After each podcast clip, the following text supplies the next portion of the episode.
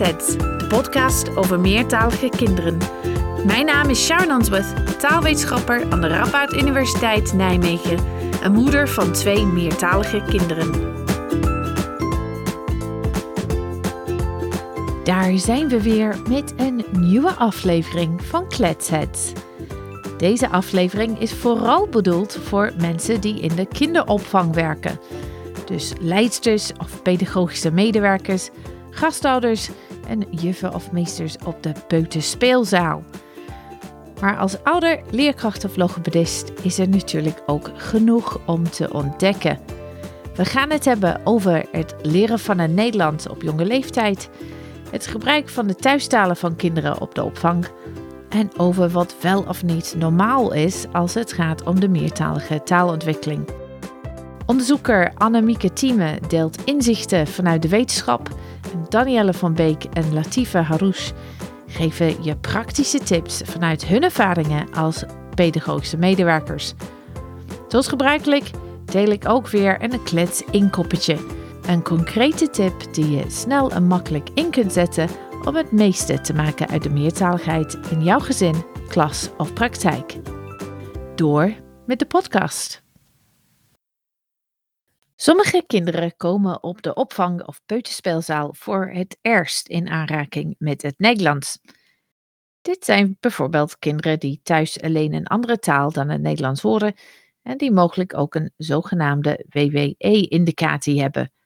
Dit betekent dat het consultatiebureau heeft aangegeven dat het kind mogelijk risico loopt op een taal- of onderwijsachterstand. Elke gemeente heeft hier aparte eisen voor. Maar vaak worden kinderen die thuis geen Nederlands horen en die niet al op de opvang of bij een gasthouder zitten, aangemoedigd om naar de peuterspeelzaal te gaan. Het idee hierachter is dat ze zodoende al een begin kunnen maken met het Nederlands leren voordat ze naar de basisschool gaan. Dit zijn dan anderstalige kinderen die op den duur meertalig worden. Dit zijn niet de enige meertalige kinderen die je tegenkomt als je in de kinderopvang werkt. Er zijn ook kinderen die als baby in contact zijn gekomen met meer dan één taal. Vaak is dit omdat er thuis twee of meer talen worden gesproken. Dat kan ook uh, Nederland zijn. Of omdat het kind al vanaf heel jong naar de opvang gaat. Er zitten tegenwoordig dus veel meertalige kinderen op de opvang of peuterspeelzaal.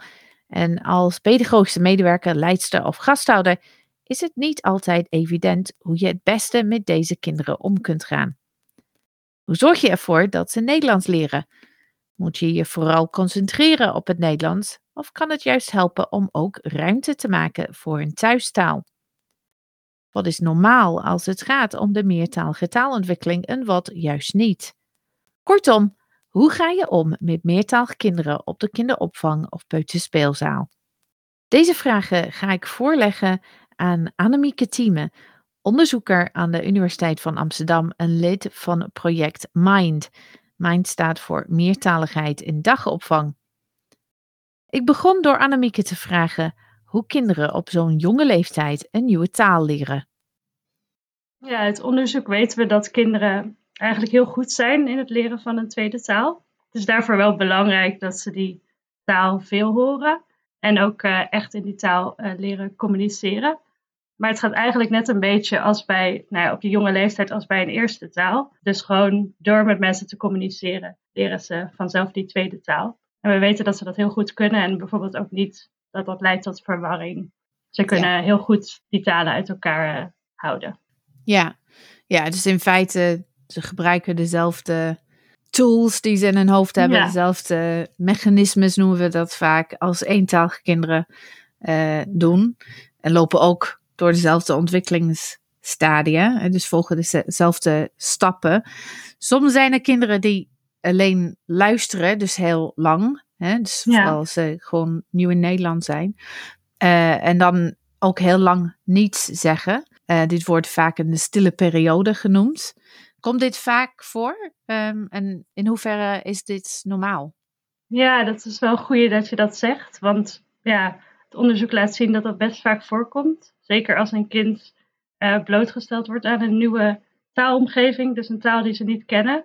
Dat ze dan eerst een tijdje gewoon luisteren voordat ze ook echt nou ja, de tools hebben om iets te kunnen zeggen.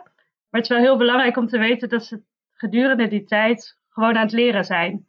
Dus uh, als je met dat kind blijft praten, um, met ze probeert te communiceren, dan gaat er vanzelf een moment komen dat uh, ze ook wat terugzeggen. Dus ja, het is zeker normaal. Kan natuurlijk altijd dat er ook meer aan de hand is, maar een tijdje een stille periode, dat komt heel vaak voor.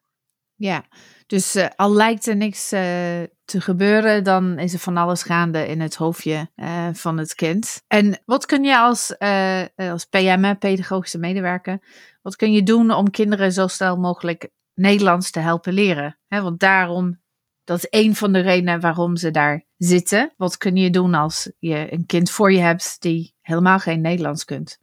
Nou ja, er zijn natuurlijk heel veel dingen die je kunt doen. En dat zijn eigenlijk dingen die je ook zou kunnen doen sowieso om de taalontwikkeling van een kind te stimuleren. Dus dat zijn dingen als met het kind gaan voorlezen, dat interactief doen, dus vragen stellen, dingen aanwijzen, kijken waar het kind mee bezig is en daar ja, taal aan toevoegen, met het kind meespelen, dat soort dingen kun je doen. Ja, het lijkt eigenlijk al op dingen die PM'ers sowieso al kunnen, omdat ze dat sowieso al leren te doen. Dingen gelden ook uh, voor een kind dat uh, ja, nog Nederlands uh, leert. Ja. Ja, dus in, in principe gewoon op dezelfde manier omgaan uh, met kinderen die geen Nederlands kunnen als kinderen die dat al vanuit huis enigszins hebben meegekregen. Bedoel je dat? Ja, dus dat uh, uiteindelijk doe je dezelfde dingen om de taalontwikkeling te stimuleren. Um, het kan natuurlijk wel, ik hoor van pedagogisch medewerkers wel dat ze soms dan wat meer aandacht hebben voor een kind dat echt nog weinig Nederlands kan. Dus even wat vaker met het kind gaan zitten. Um, maar in principe ja, zijn het gewoon dingen die PM'ers uh, al kunnen, die ze ook kunnen toepassen op uh, meertalige kinderen. Ja, en we horen zo meteen van uh, twee PM'ers over hun ervaringen en wat, hoe zij het aanpakken. Het lijkt mij voor een kind eigenlijk best eng als je ergens terechtkomt en er een taal gesproken wordt die je niet begrijpt.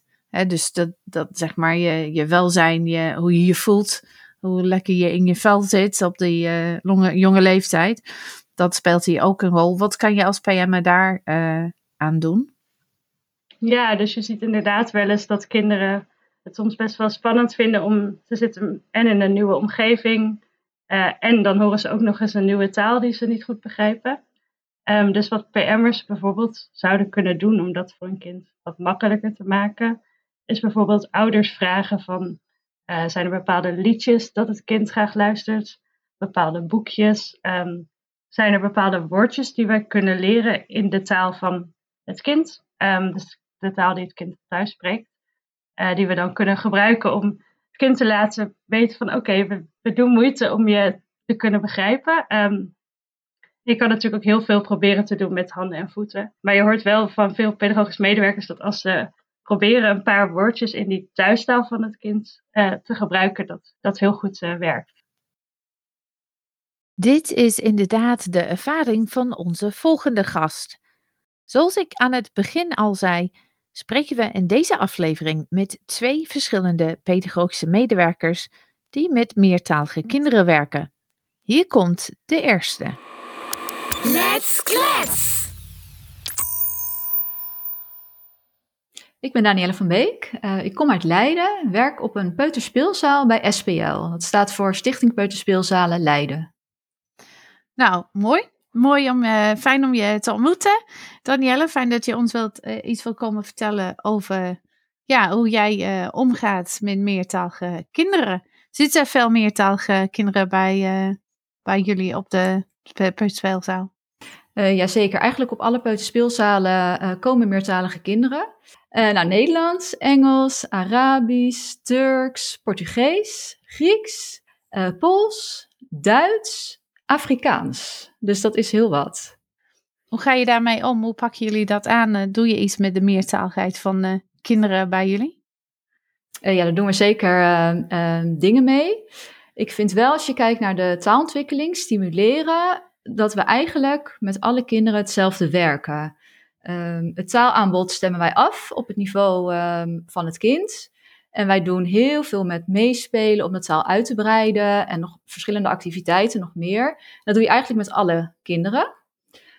En daarnaast gebruiken wij wel ook soms de talen van het kind. Eerste taal van het kind, wanneer we dat kunnen. Ja, ja, komen we zo meteen op terug. Maar ik wil eerst een andere vraag aan jou stellen. Want dat is, dat is een vraag die we ehm, van een luisteraar hebben gekregen.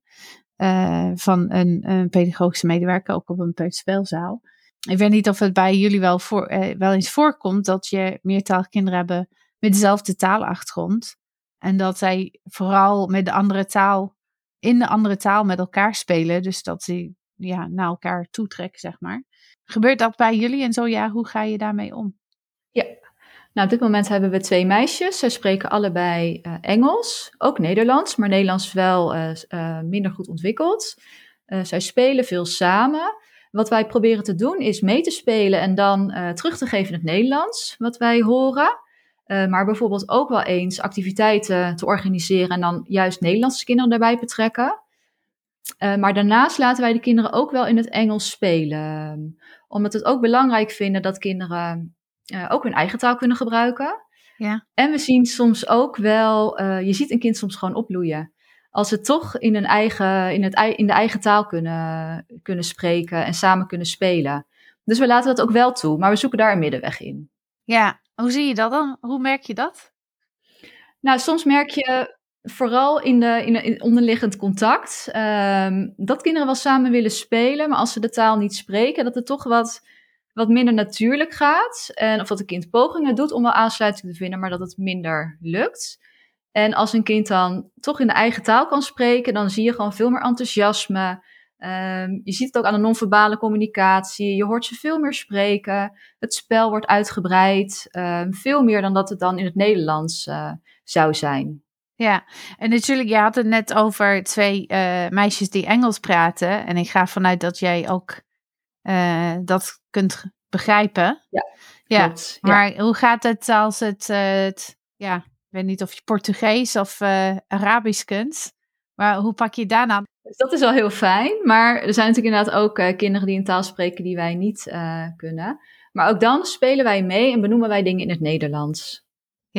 Oké. dus dat, dat schrikt jullie niet af, zeg maar, het idee dat je het niet zelf begrijpt. Het gaat vooral om dat het kind Zeker niet. kan spelen. En, en doe je dan actief verder iets mee met de thuistalen van de kinderen? Ja, we laten bij bepaalde gebeurtenissen laten wij de talen terugkomen.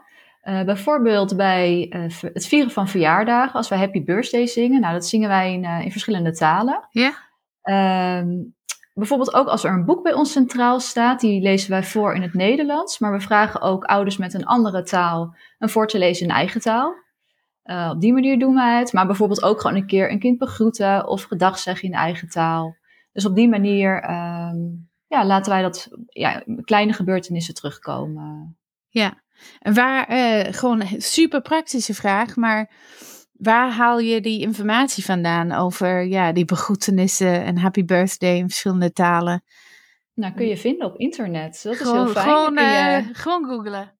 Gewoon googelen inderdaad. Of we laten een ouder het opschrijven. Als we de taal zeg maar kunnen lezen, dan laten we het opschrijven en dan oefenen we een paar keer. En dan uh, komt het meestal wel goed. En anders uh, helpt het kind vaak ook nog wel mee. Om even de uitspraak goed, uh, ja. goed leren. En dat is ook fijn, hè? Dat zij een keer de expert zijn en niet alleen maar de leerden.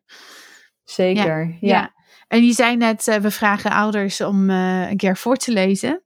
Um, wat voor effect heeft dat op de ouders? Nou, wat ik zelf zie is dat een ouder ook soms opbloeit. En ik zie een ouder soms op een hele andere manier dan dat ik communiceer in, ehm, in het Nederlands soms, als ze dat een beetje kunnen, of in het Engels. Uh, je, je, merkt gewoon dat een, dat een ouder er echt van geniet om in de eigen taal uh, te kunnen spreken.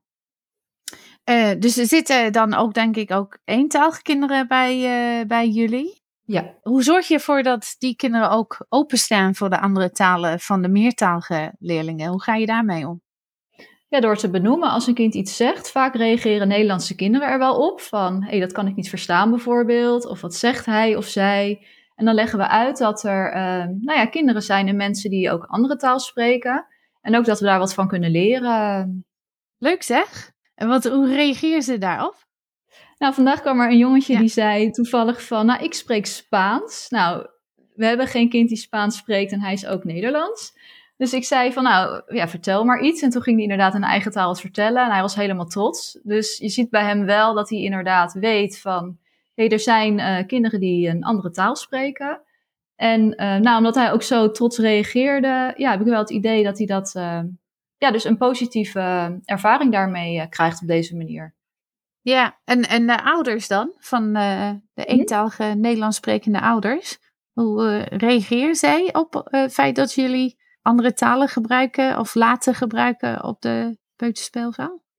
Nou, toevallig vorige week inderdaad vroeg mijn moeder ons van... hey, zingen jullie wel eens Happy Birthday in het Arabisch? Dus wij zeiden, nou, wij legden uit waarom we dat deden. En ze zei, ja, heel erg leuk, want mijn zoontje kwam thuis en die was het aan het zingen. En ik heb een beetje gegoogeld wat ik hoorde.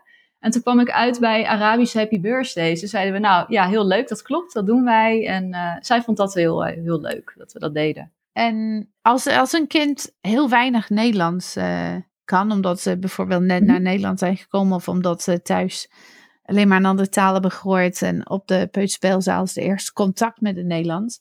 Hoe gaan jullie daarmee om? Want het lijkt mij heel erg uitdagend. Mm -hmm. uh, dus wat, wat doe je dan als een kind iets wil vertellen en je begrijpt niet wat ze zegt? Nou, we doen heel veel non-verbaal. Uh, dingen aanwijzen bijvoorbeeld. En zo proberen we eruit te komen met een kind. Uh, eigenlijk ja, gaat het best wel goed. En wat we ook doen is heel veel vanuit spel en ook echt concrete materialen gebruiken, zodat het Nederlands uh, op gang komt. Van elk geval dat een kind ermee in aanraking komt. Het op gang komen kan natuurlijk langer duren. En, en dan, hoe help je dan uh, kinderen hun gevoelens te uiten in het, in het Nederlands? Want je wilt uh, vaak wat kwijt, sowieso. Maar zeker als je zo jong bent en er misschien niet helemaal goed kunt zeggen. Ja, dat is toch uh, nou, sowieso veiligheid bieden voor een kind en een kind erin helpen. Maar ook bijvoorbeeld werken met pictogrammen. Uh, dat doen wij, het dagprogramma bijvoorbeeld. Ja, een beetje op die manier uh, doen we dat. Ja, en heb je um, een gouden tip voor andere pedagogische medewerkers als het gaat om het omgaan met meertalige kinderen? Nou, ik denk als je de taal spreekt, is het heel mooi als je uitleg kan geven over wat je doet of wat je bedoelt. Uh, dat is helemaal niet erg om het dan in de, in de, in de taal van, de, van, van het kind te doen. En daarna kun je het natuurlijk ook weer in het Nederlands uh, vertellen, zodat die koppeling wordt gemaakt. Ja. Ja, en ik denk meertalige kinderen is, het is ook heel mooi om gewoon te werken vanuit het kind zelf. Dus wat spreekt het kind aan en daarbij aan te sluiten. Ja, dus uh, vooral vanuit het kind werken. Ja. ja. Ja, en ook veiligheid bieden. Wij hebben ook wel uh, een Poolsjongetje. Hij heeft best wel moeite gehad met wennen. En wat wij dan deden, was Poolse liedjes aanzetten bijvoorbeeld. Hmm. En dat gaf hem uh, herkenning. En daardoor werd hij ook rustiger. En vanuit daar konden wij dan contact met hem uh, krijgen en samen gaan spelen. Zodat hij ons leerde vertrouwen. Dus dat was wel nodig om hem ja, die veiligheid te bieden. Ja, nou, heel mooie tip. Ook iets dat je gewoon morgen kunt doen eigenlijk, hè? Dus dat, ja. dat, dat is ook heel erg fijn. Nou, ik weet niet, heb jij andere tips of uh, voorbeelden die je graag wilt delen? Nou ja, vooral ook inderdaad uh, dingen visueel maken. En gewoon heel veel met de kinderen spelen, maar ook woorden centraal stellen en daarmee spelletjes doen. We maken bijvoorbeeld veel memory of lotto met woorden die centraal staan, zodat de woorden op verschillende momenten spelenderwijs weer uh, aan bod komen. En dan uh, zegt een kind natuurlijk wel vaak bij memory bijvoorbeeld twee dezelfde kaartjes. Dan kan een kind um, in de eigen taal het woord zeggen en dan herhalen wij het in het Nederlands. Ja, ja. dus jullie leren ook uh, best wat woorden in allerlei talen, toch? Ja, klopt. Ja.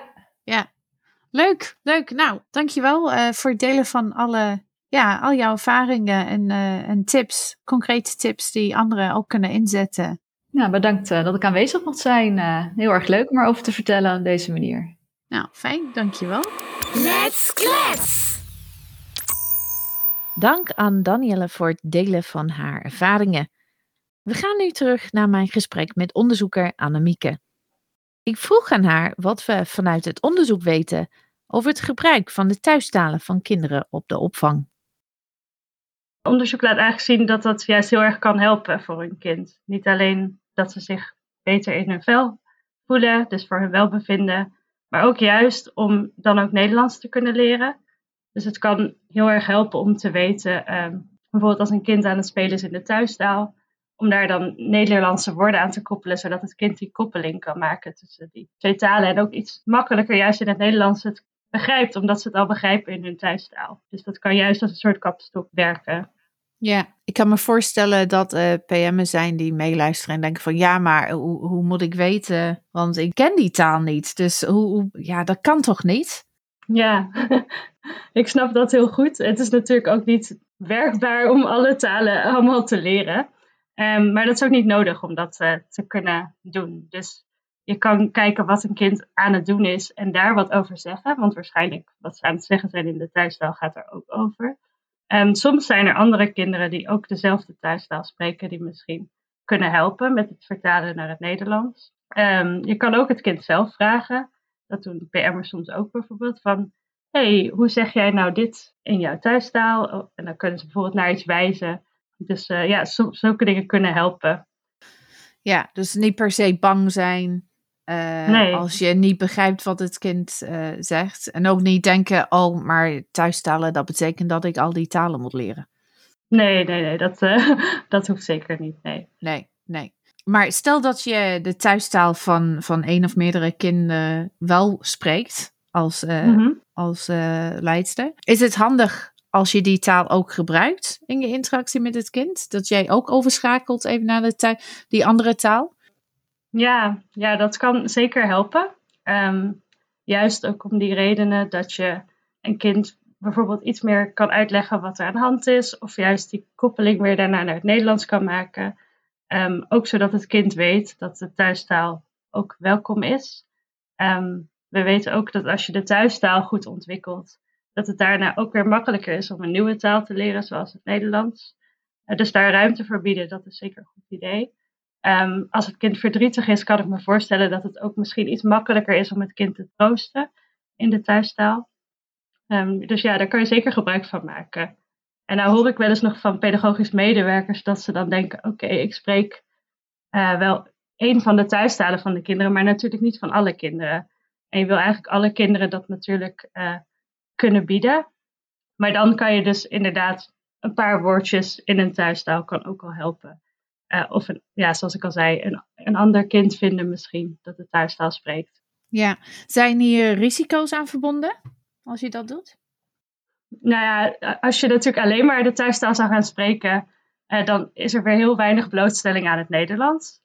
Um, dus ik zou juist gewoon allebei gebruiken, zodat het kind allebei de talen goed kan leren en die talen elkaar echt kunnen versterken. Ja, en weet jij of, of het mag? Hè? Want uh, voertaal, bijvoorbeeld basisschool, is Nederlands. En dan uh, mag uh, tot 15% van de lestijd andere talen gebruikt. Maar dan alleen Engels, Duits en Frans volgens mij. Hoe zit, hoe zit het op de opvang? Ja, in principe is op de opvang inderdaad ook de voertaal Nederlands bijvoorbeeld. En soms mogen er ook andere talen, maar inderdaad vaak is het hoofdzakelijk het Nederlands. Maar dat betekent niet dat je niet even uh, ook die thuistaal kan gaan inzetten. En ik hoor ook heel veel van uh, opvangorganisaties dat ze dat juist ook doen. Um, dus dat een PM'er die bijvoorbeeld Turks spreekt, uh, dat ook gebruikt om met Turkstalige kinderen te communiceren. Dus dat, dat gebeurt zeker, ja. Ja, maar het lijkt eigenlijk een beetje gek bijna, als je zegt, nou ja, het is handig om die thuistaal te gebruiken of, of de kinderen die thuistaal te laten gebruiken, zodat ze beter Nederlands kunnen leren. Maar, maar dat blijkt niet het geval te zijn vanuit het onderzoek.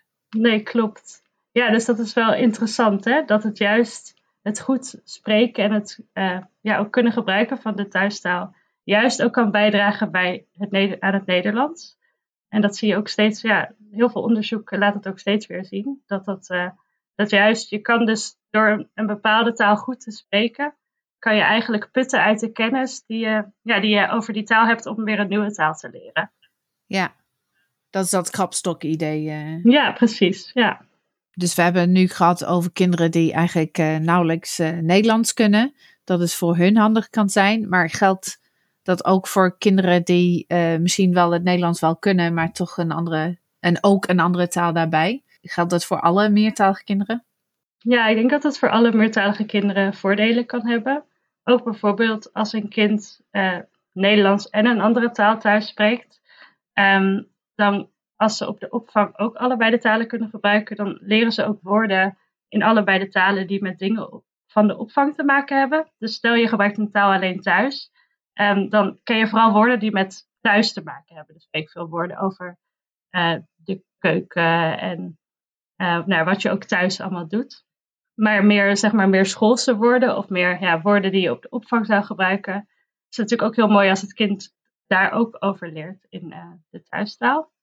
Um, dus dat is een reden. En daarnaast is het ook gewoon ja, een manier om die thuistalen allemaal welkom te heten. Die diversiteit, zeg maar, die er is. Um, ook voor andere kinderen is dat heel interessant en leerzaam om te zien dat er zoveel verschillende talen zijn en dat mensen ook meerdere talen kunnen spreken. Ja, want eigenlijk we hebben niks gezegd over de kinderen die thuis alleen Nederlands horen. Hè? Dus ik kan me voorstellen dat je als PM denkt, maar, maar ja, het zijn, uh, zijn maar een paar kinderen bij mij die uh, meertalig zijn. Of meertalig worden. Uh, wat hebben al die andere kinderen aan, als ze die andere talen horen? Maar eigenlijk, ja, jij noemde net ja. een paar dingen die waar, haar voordelen voor ook voor de andere kinderen. Ja, zeker. Ja, dus het is eigenlijk voor iedereen uh, mooi meegenomen. We laten het gesprek met Annemieke nu even om naar ons klets-inkoppetje van deze aflevering te luisteren. Dit is een concrete tip die je meteen en makkelijk in kunt zetten om het meeste te halen uit de meertaligheid in jouw gezin, klas of praktijk. Klets-inkoppertje.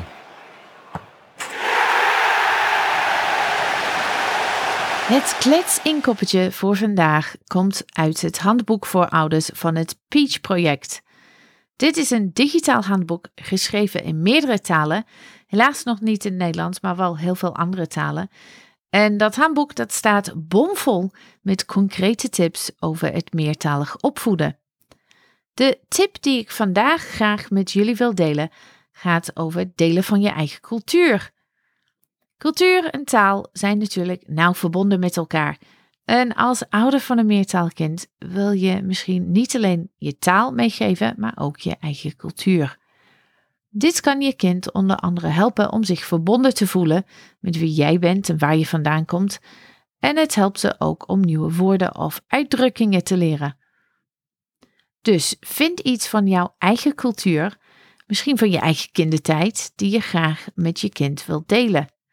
Dit zou een spelletje kunnen zijn, een liedje of een rijm, een boek of een film of iets om te eten of drinken. Om een voorbeeld te geven.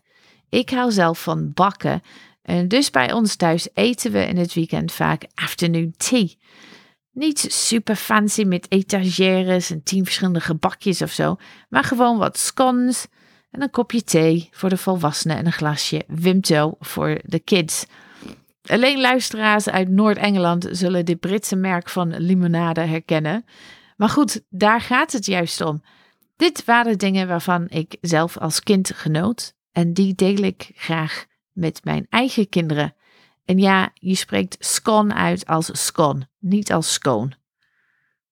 Als leerkracht kun je de meertalige kinderen in je klas vragen om iets uit hun eigen cultuur mee te nemen naar de klas. Misschien iets dat te maken heeft met het thema waar jullie mee bezig zijn.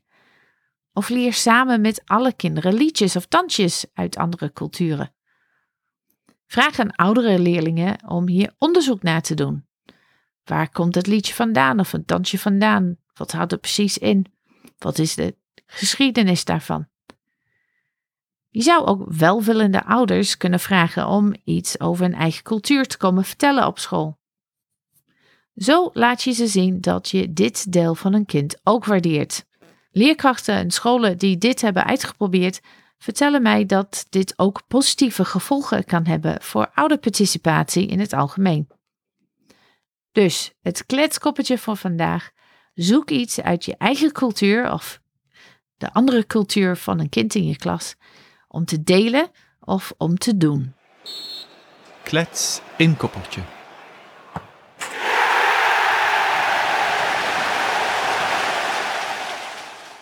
Als PM'er of gasthouder is het belangrijk om te weten wat normaal is bij een meertalige taalontwikkeling. Wat hoort erbij en wat niet? Hoe is de ontwikkeling van meertalige kinderen anders dan die van eentalige kinderen of juist hetzelfde? Annemieke legt de basisfeiten snel voor je uit.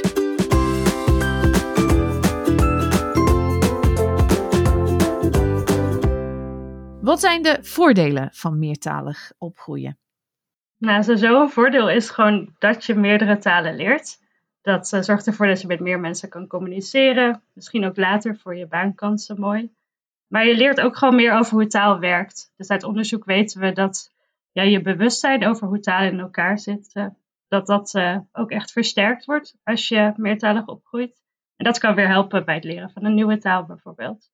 En er is ook onderzoek dat gedaan wordt naar andere voordelen, zoals soort breintraining die meertaligheid zou zijn, uh, of een soort ja, voordelen in goed kunnen communiceren met mensen. Um, ja, dus er wordt echt onderzoek gedaan naar allerlei voordelen. Zitten nadelen aan meertalig opgroeien? Nou, één ding dat je wel heel veel ziet, is dat kinderen, ja, ze leren natuurlijk meerdere talen. En dat betekent dat ze elke taal ook iets minder horen dan iemand die maar één taal hoort. En dat zou kunnen leiden tot een net iets kleinere woordenschat per taal. Maar als je die woordenschat per taal over de talen heen bij elkaar optelt, dan uh, zie je dat meertalige kinderen eigenlijk een even grote of misschien zelfs grotere woordenschat hebben. Ja, lopen kinderen geen taalachterstand op als ze meertalig worden opgevoed? Nee, dat hoeft zeker niet. Um, kinderen kunnen heel goed meerdere talen naast elkaar leren en uh, kunnen ze ook uh, uit elkaar leren houden. Het is uiteindelijk het belangrijkste of ze een taal veel horen en of ze die taal ja, ook echt communiceren in die taal. En als ze dat doen, dan zullen ze ook gewoon meerdere talen kunnen leren. Ja, en uh, wil je daar meer over weten trouwens, dan hebben we een hele aflevering over hoe weet je of een meertaalkind een taalachterstand heeft. Volgende vraag. Wat zijn de verschillen tussen eentalige en meertalige kinderen in hun taalontwikkeling?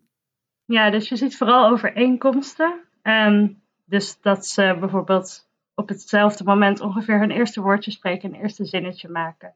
Maar ja, een verschil zou zijn misschien dat verschil in de woordenschat. En meertalige kinderen kunnen nog wel eens uh, wisselen tussen talen in één gesprek. Um, dat is iets wat natuurlijk niet kan als je maar één taal spreekt. Nee, is het erg als meertalige kinderen dat doen, de talen door elkaar gebruiken? Nee, zeker niet. Je ziet dat uh, eigenlijk dat het heel normaal en ook heel veel voorkomt bij mensen die meertalen spreken. En uh, dat dat zeker geen teken is van verwarring of zo. Maar juist gebruik maken van alle ja, verschillende mogelijkheden, talige mogelijkheden die je hebt. En wanneer moet je je zorgen maken al om de taalontwikkeling van een meertalig kind? Ja, dus ik zou vooral kijken um, of het kind, bijvoorbeeld als het nog niet zo goed Nederlands kan, hoe het wel gaat met de ontwikkeling van de thuistaal. Uh, de taal die het kind thuis spreekt. Als er echt in geen enkele taal uh, ja, een typische ontwikkeling is, dan zou je uh, kunnen gaan ja, overleggen met de logopedist of de ouders naar consultatiebureaus sturen bijvoorbeeld.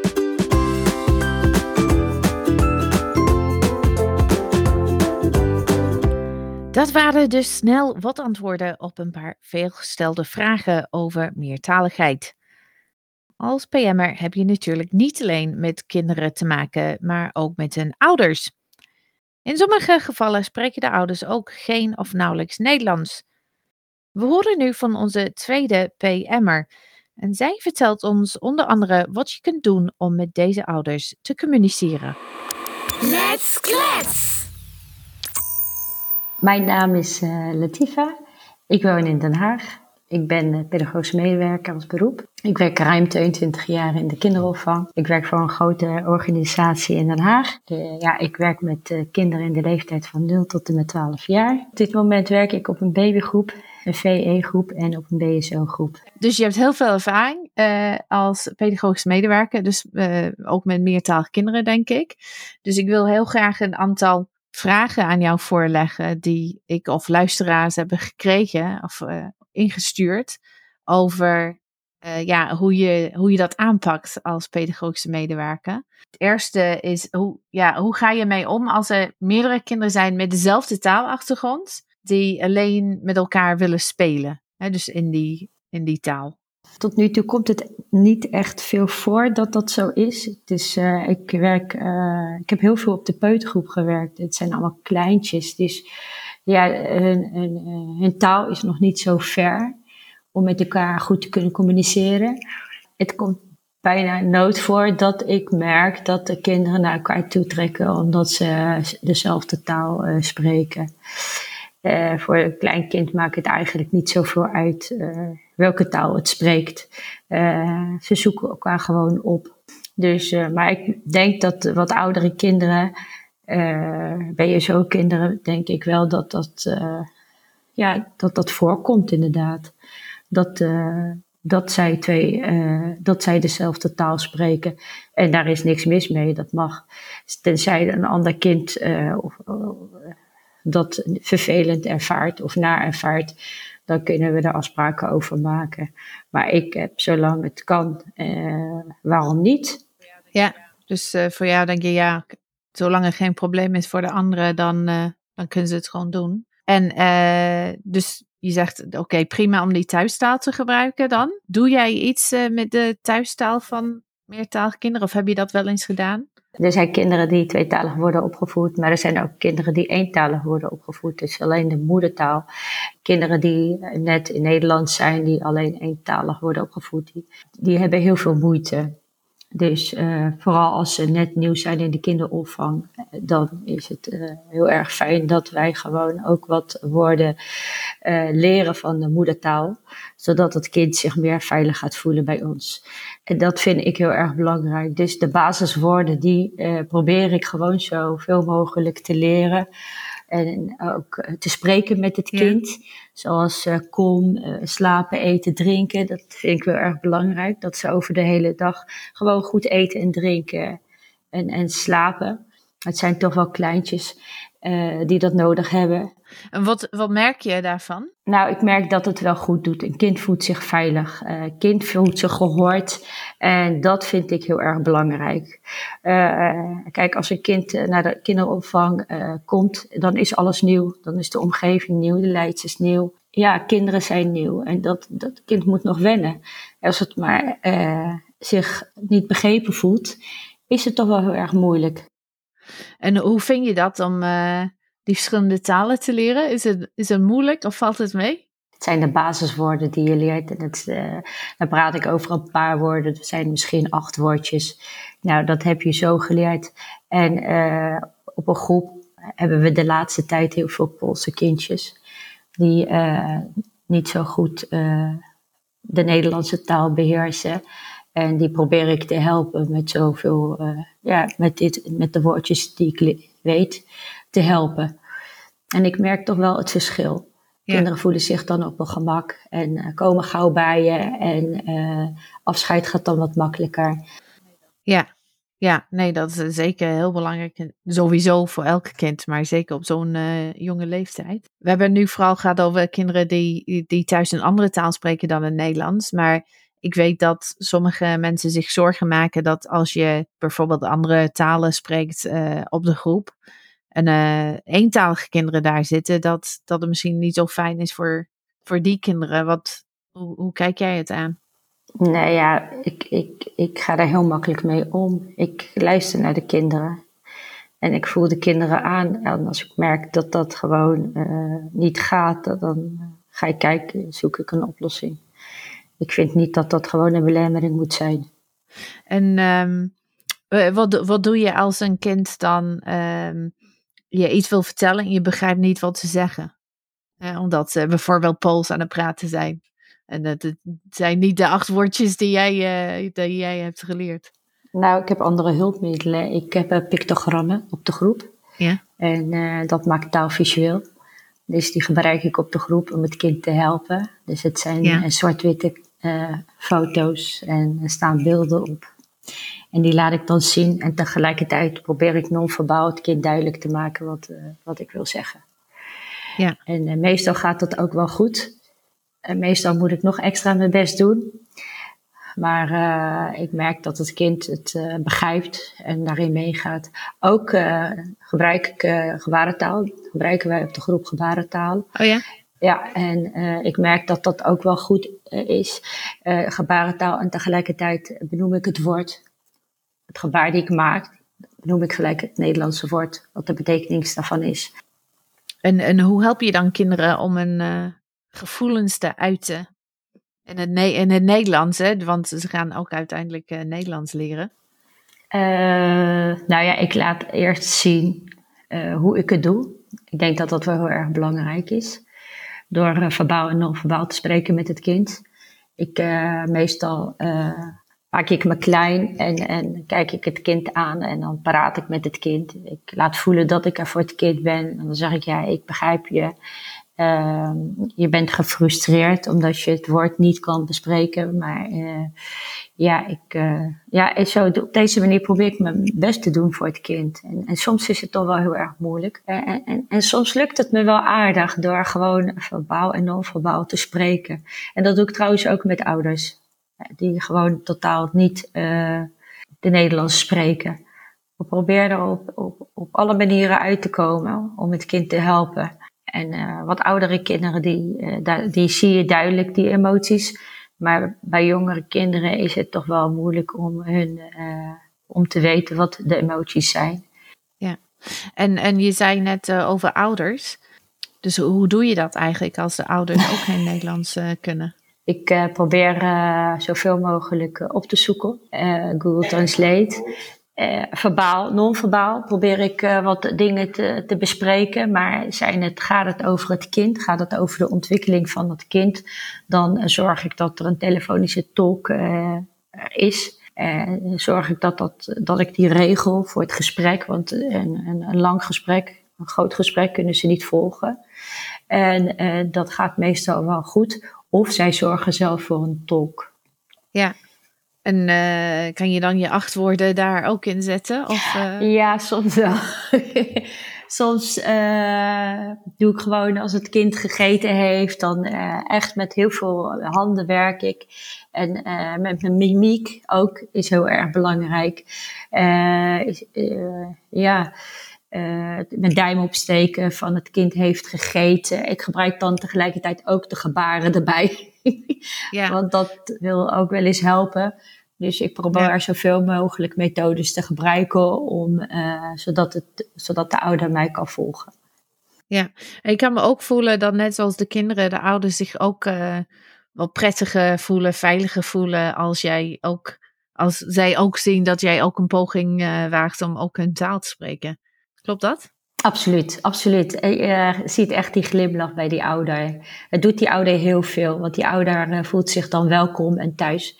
En uh, daar gaat het bij mij om. Dat we uh, elkaar zien en dat we elkaar horen. Dat ja. vind ik heel erg belangrijk. Ja, heb je een gouden tip voor andere pedagogische medewerkers als het gaat uh, om het omgaan met meertalige gezinnen? Uh, ja, die heb ik denk ik wel. Ik denk als jij ki met kinderen omgaat die gewoon uh, moeite hebben met taal, probeer dan, vertraag je in ieder geval je tempo. dan kunnen jonge kinderen je beter volgen, zeg maar. Dan maak ik gebruik van vaste rituelen. Uh, maak duidelijke afspraken met het kind. Dus uh, vaste rituelen betekent dat je de dagritme kaarten benoemt. Met de dagritme kunnen kinderen zien van wat wordt de dag, hoe gaat de ja. dag verlopen. Uh, en ook heel erg belangrijk dat, dat je in kleine groepen gaat werken. Dat je meer interactie kan creëren met het kind door in kleine groepen te werken. Ja, mooi. Is er iets anders dat je kwijt wilt eigenlijk? Dat kan ik misschien wel vragen. Zijn er dingen, tips of punten die je, die we, die je nog niet hebt uh, genoemd, die je graag uh, wilt uh, delen? Nou, ik vind het belangrijk dat we de tijd en ruimte moeten krijgen om hier te investeren. Het is toch wel belangrijk. Ik merk dat ja. tien jaar terug was het minder, ja, kwam het minder voor. Maar nu merk ik gewoon de laatste ja, de laatste jaren dat, dat er toch wel heel veel verandert. Uh, dat er heel veel kinderen zijn die meertalig worden opgevoed. En daar moeten we rekening mee houden. En uh, misschien kunnen we iets van een programma opstellen of zo. Om te kijken van hoe kunnen we deze kinderen makkelijker helpen.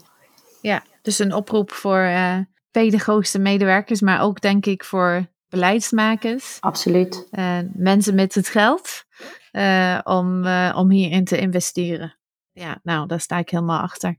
Eh dankjewel, Latife, voor je tijd en dat je ons wilde vertellen over jouw ervaring met eh, meertalige kinderen. Graag gedaan. Let's klets. Als eh, PM kan je ook natuurlijk advies geven aan ouders. Ehm, wat, wat kunnen ouders verteld worden als het gaat om het ondersteunen van de Nederlandse taalontwikkeling van een kind? Ja, dus ik eh, denk dat het belangrijkste advies dat je als pedagogisch medewerker aan ouders kan geven is om met hun kind een taal te spreken die je als ouder zelf goed kan. Ehm, zodat je je zo goed mogelijk uit kan drukken, eh, echt met het kind in gesprek kan gaan. Ehm, dus dat is denk ik het belangrijkste advies. Nou kan het natuurlijk wel dat ouders alsnog iets met het Nederlands ook willen doen. Ehm, wat je dan bijvoorbeeld zou kunnen adviseren is, misschien kunnen ze een Nederlandstalige oppas vinden. Of misschien kunnen ouders met hun kind samen een Nederlandstalig tv-programma kijken. En misschien met ondertitels in de thuistaal, dus de moedertaal van de ouders. Ehm, zodat ouders het zelf ook begrijpen en ze daarna misschien nog over wat ze hebben gezien eh, met elkaar in gesprek kunnen gaan. Dat soort dingen. Er zijn ook natuurlijk heel mooie initiatieven zoals de Voorleesexpress, waarbij er eh, een vrijwilliger naar ouders thuis toe komt om met het kind in het Nederlands voor te lezen. Dus eh, ja, er zijn wel allerlei mogelijkheden. Ook het Nederlands eh, thuis toch op een of andere manier een plekje te geven. Ja, en ik denk ook misschien aan digitale prentenboeken. Ja, is ook een goede. Die je ook, als je kijkt naar prentenboeken in alle talen.nl, dan heb je een, een boek in het Nederlands dat voorgelezen wordt, maar ook in andere talen. Dus je zou het ook eerst in de thuistaal kunnen doen en daarna in het Nederlands eh, beluisteren. Dus als ouders denken van, nou, ik kan wel een beetje Nederlands. Ik wil dat mijn kind zo snel mogelijk eh, Nederlands kunt leren. Ik ga gewoon Nederlands met mijn kind praten.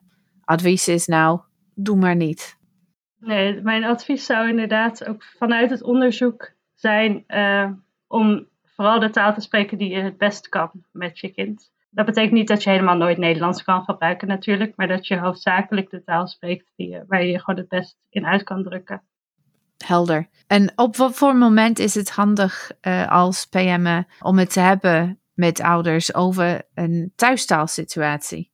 Ja, dus ik hoor van veel pedagogisch medewerkers dat ze al eh, bij de intake met ouders eh, een gesprek hebben over de thuistaalsituatie. En dat is ook heel handig natuurlijk als pedagogisch medewerker om te weten. En ook misschien om nog advies over te kunnen geven als ouders daar vragen over hebben. En verder zou ik eh, ja, misschien af en toe vragen aan ouders hoe dat op dat moment zit. Want soms wil dat nog wel eens veranderen, de thuistaalsituatie. En misschien ook als je iets opvalt aan de taalontwikkeling eh, van het kind. Of dat je iets zag, eh, bijvoorbeeld, dat je opvallend vond. Dat zou ook een moment kunnen zijn om er weer even met ouders over te hebben. Ja. En ik denk als je advies zou geven aan Nederlands sprekende ouders over, ja, lees voor, beschrijf dingen die Ja. je ziet. Eh, dat geldt ook voor anderstalige ouders. En ze kunnen dat prima doen in, die- in die andere taal. Ja, ja, uiteindelijk gaat het echt inderdaad om eh, gewoon veel met het kind eh, met taal bezig zijn. Dus inderdaad voorlezen, ehm, met het kind spelen, dat soort dingen kunnen heel erg helpen bij de taalontwikkeling. En dat geldt voor het Nederlands, maar ook voor andere talen. Ja, Nou, dat lijkt mij een, mo- een mooie afsluiter. ja. Dus eh, we gaan het daarbij laten. Nou, dankjewel. ja nou, superleuk. Dank aan Annemieke en natuurlijk ook aan Danielle en Latife voor hun tijd en het delen van hun inzichten vanuit theorie en praktijk. Wil je als gasthouder, pedagogische medewerker of kinderopvangorganisatie meer weten over meertaligheid op de opvang? Dan heeft de team van Project Mind, dus Annemieke en collega's, een prachtige toolbox samengesteld. Daar vind je antwoorden op veelgestelde vragen, praktische tips en voorbeelden en kennisclips. Allemaal over meertaligheid in de kinderopvang. De link staat in de show notes. Dat is de beschrijving van de podcast die je vindt in je podcast-app of op onze website. Wil je meer weten over de meertalige opvang? Luister dan naar de tweede aflevering van seizoen 2. Daar vertellen de collega's van Annemieke over hun onderzoek naar het gebruik van Engels op de kinderopvang. En Ook goed om te weten, Kletsets bestaat niet alleen in het Nederlands, maar ook in het Engels. Dus als je ouders hebt die Engels begrijpen, maar geen Nederlands, kun je ze altijd de Engelstalige editie van Kletsets tippen. Vind je het leuk om flyers te krijgen om uit te delen? Dat kan voor zowel de Nederlandse als de Engelstalige editie. Laat ons weten en we sturen ze je graag op. We zijn er weer over een maand met een aflevering over de meertalige stad. Met drie gasten van verschillende steden in Nederland over hoe een stad omgaat met haar jonge meertalige inwoners. Graag tot dan. Wil je meer weten over Kletsets? Ga dan naar www.kletsetspodcast.nl. Daar vind je ook meer informatie over deze aflevering. Wil je geen aflevering missen? Abonneer je dan op Kletsets via je favoriete podcast-app. Kletsets vind je ook op Facebook, Twitter, Insta en LinkedIn. Onze naam is KletsetsNL. Ken je iemand die de podcast misschien leuk vindt en die hem nog niet kent? Dan zou ik het heel fijn vinden als je hem zou delen. Bedankt voor het luisteren en graag tot de volgende keer.